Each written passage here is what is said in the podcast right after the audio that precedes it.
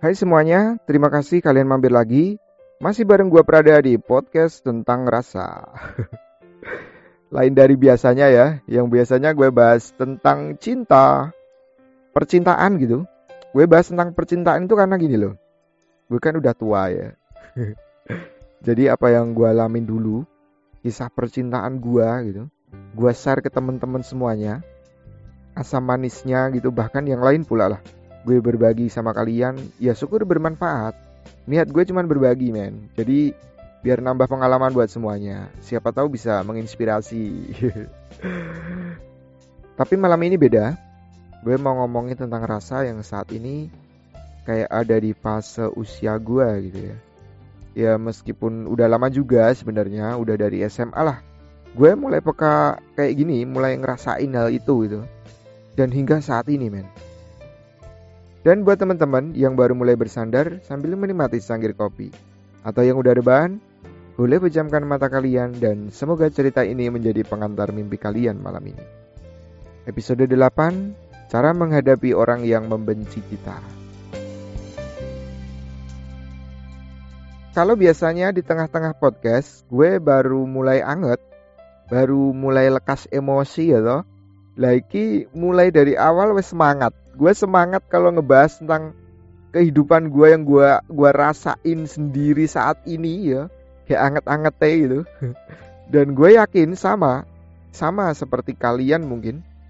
Kalau kalian semua pasti juga sering lah ibaratnya dinyinyirin orang dirasani wong gitu ya. Sama seperti apa yang mau gue bahas malam ini ya. Jujur sebenarnya gue nggak mau sih kalau apa yang gue omongin malam ini akan jadi bumerang buat gue. Maksudnya niat gue yang cuman sekedar berkeluh kesah, bukan berarti gue ngebales apa yang mereka perbuat ke gue. Gentian ngomong ke Deknen di sini gitu. Gentian ngomongin mereka di podcast gue gitu. Bukan, bukan itu. Nanti ndak aku podo bosok dengan orang itu gitu. I just wanna voice a complaint about my life gitu ya tapi pengen juga rasanya orang yang gue maksud entah kapan bakal ngedengerin apa yang jadi keluh kesah gue di podcast ini. Kadang gue berpikir gini loh. Semua berawal dari keluarga gitu. Keluarga gue gitu ya. Like there is something wrong with my family. Gue ibaratin keluarga gue kayak hidup di akuarium men. Ada kehidupan di sana, ada air yang jernih, ada gemericik air juga yang nyegerin gitu ya secara nggak langsung jelas bikin pikiran tuh jadi lebih fresh kalau ngelihat yang segar-segar. Tapi sedikit ada celah di sana, entah mungkin sirip ikannya ada yang sobek, entah daunnya yang di dalam akuarium ada yang menguning gitu. Apa aja kekurangannya, dikit aja. Udah hilang gitu semua kebaikan yang ada. Ya mungkin ini sebuah hukum alam ya, tapi gue bersyukur lah berada di keluarga ini gitu. Merasa sampai saat ini gue bisa ngelewatin semuanya. Gue mampu dan jujur gue merasa jauh lebih kuat menghadapi kerasnya kehidupan men.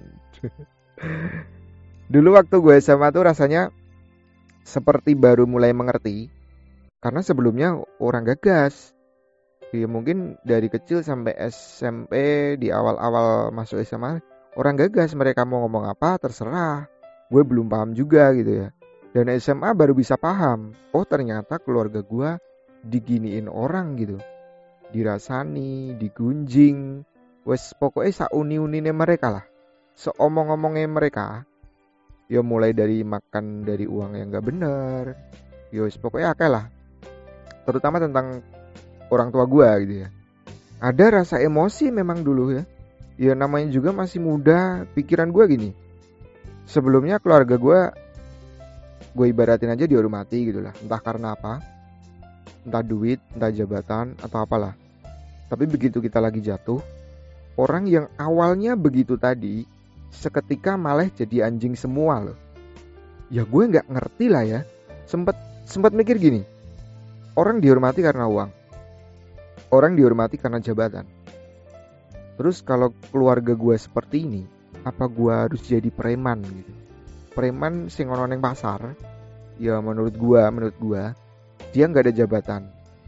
Gak punya duit sorry gue katakan seperti itu ya menurut gue tapi mereka disegani gitu. Hanya modal nekat frontal apa gue harus kayak gitu juga gitu. Gini loh maksudnya bukan karena gue gila hur gila hormat bukan. Tapi kenapa itu anjing-anjing selalu aja sibuk ngurusin kehidupan gue kalian itu juga punya kehidupan sendiri men. Yang perlu kalian urus pula anjing anjing. Tapi makin berjalannya waktu gitu gue mulai ngerasa slow gitu. Mungkin juga belajar lebih dewasa menghadapi hal-hal yang gak penting seperti itulah. Dan pernah dulu waktu gue udah kuliah dulu ya pernah ono sing ngerasani aku aku ya bukan orang tua gue ceritanya gini kadang kalau Sabtu Minggu emang gue kadang ngajakin pacar gue balik ke rumah men. Nah itu ada yang nyocot. Boy kayak pacaran gitu kan. Digo balik ke rumah. Bu dinikah kayak baik daripada zina gitu. Katanya gue pacaran dibawa pulang ke rumah. Malah suruh nikah daripada zina. Ya ya ya gue nggak nyalain lo orang gitu. Urusan zina mah urusan gue anjing. Dosa gue yang nanggung bukan urusan lo ya emang dosa gue lo mau nanggung gitu? Ya emang sih waktu itu gue mulai sadar ya nanggepin omongan orang tuh udah nggak penting buat gue waktu itu. Dan sumpah men jujur selang beberapa waktu ini real. Anak dari orang yang nyocoti gue tadi hamil di luar nikah. Ya gue nggak ngedoain apa pun ya sebelumnya ya. Tapi Tuhan sendiri yang nunjukin adilnya gitu loh ya nilai nilai aja lah sendiri dari dari dari cerita gua yang seperti itu. Gue kasih tahu lah ya. Kalau emang gua mau ngentot sama pacar gua tuh ya nggak dibawa ke rumah dong ya. Ke hotel cok kalau lagi nggak ada duit ya di kos lah cukup anjing. Ya? Panas-panasan sampai kemeringet ya loh goblok banget lo jadi orang anjing. Dan setelah kejadian itu ada lagi loh yang sempet buat gua emosi kembali gitu yang sempat gua nunjukin ketidakdewasaan gua gitu kesabaran gua mulai habis lah soalnya. Ya kejadian itu pas gua udah merit. Dan gue merit sama pacar gua yang yang dulu sering gua bawa ke rumah gitu ya. Jadi ceritanya pas pagi hari pas bini gua berangkat kerja di jalan kayak setengah diadang gitulah men. Disampingi motornya terus digeber-geber kenal pote gitu. Ya namanya cewek ya kan sensitif gitu kan. Bini gue putar balik. Nggak jadi kerja sampai rumah cerita sama gue sampai nangis dianya. Gue sebagai lakinya kan nggak tega ya kan? Emosi kan gue gue datengin ke rumahnya. Gue tanya dan dia nggak ngaku men? Berkilah kalau emang kenal potnya bocor dan suaranya kayak begitu. Woi anjing. Gue juga pernah muda goblok. Pernah di jalanan tahu gitu mana knalpot rusak, mana knalpot busuk, mana knalpot yang ngajak rese. Gini loh, gue juga sempet nanya gitu, punya masalah apa sama bini gue? Kalau emang punya masalah sama orang tua gue, ya selesain sama orang tua gue. Punya masalah sama gue, ya ayo selesain sama gue. Tapi urusannya apa sama bini gue? Dia orang jauh anjing. Dulu gue nikahin dia, tak minta dari orang tuanya, tak tuku wisan cok tak tuku ya tak bayar ya. Niatnya apa kalau nggak buat dia nyaman di sini di tempat gua terus buat dia bahagia sama gua gitu ya? Is bini gua dengerin sambil senyum ya. Tapi omong-omong ya setelah kejadian itu motornya baik-baik aja men. Ketemu di jalan juga halus saja knalpotnya dan bagi gua orang itu kalau nggak suka ya dasarnya emang nggak suka gitu. Sebenarnya bukan bukan masalah di gua kalau emang dasarnya gak suka tapi masalahnya itu di hati lo men. Di hati lo sendiri gitu. Dan saat ini gua ngerasa jauh berpikir lebih santai sih karena gue sadar siapa pun itu orang yang gak suka sama gua gua nilai sendirilah. Jelas secara secara terlihat gitu kehidupannya gak lebih baik dan gak lebih beruntung daripada gua gitu ya dan gue juga yakin apa pun yang orang lain omongkan, omong ini itu dan sebagainya kadang ditambah-tambahin jadi sebuah fitnah gitu. Ya hitung-hitung ngurangi dosa-dosa gua yang banyak segunung mendaki gunung gitu. Semua bakal dapat balasan lah ya. kalau ditanya balasannya kayak mana ya yang gue pengen balasan itu di sana tapi di dunia juga dapat balasan biar jadi pelajaran bagi orang-orang di sekitar kita gitu. Itu aja sih yang saat ini sering-sering membuat gue lelah gitu hati gue lelah.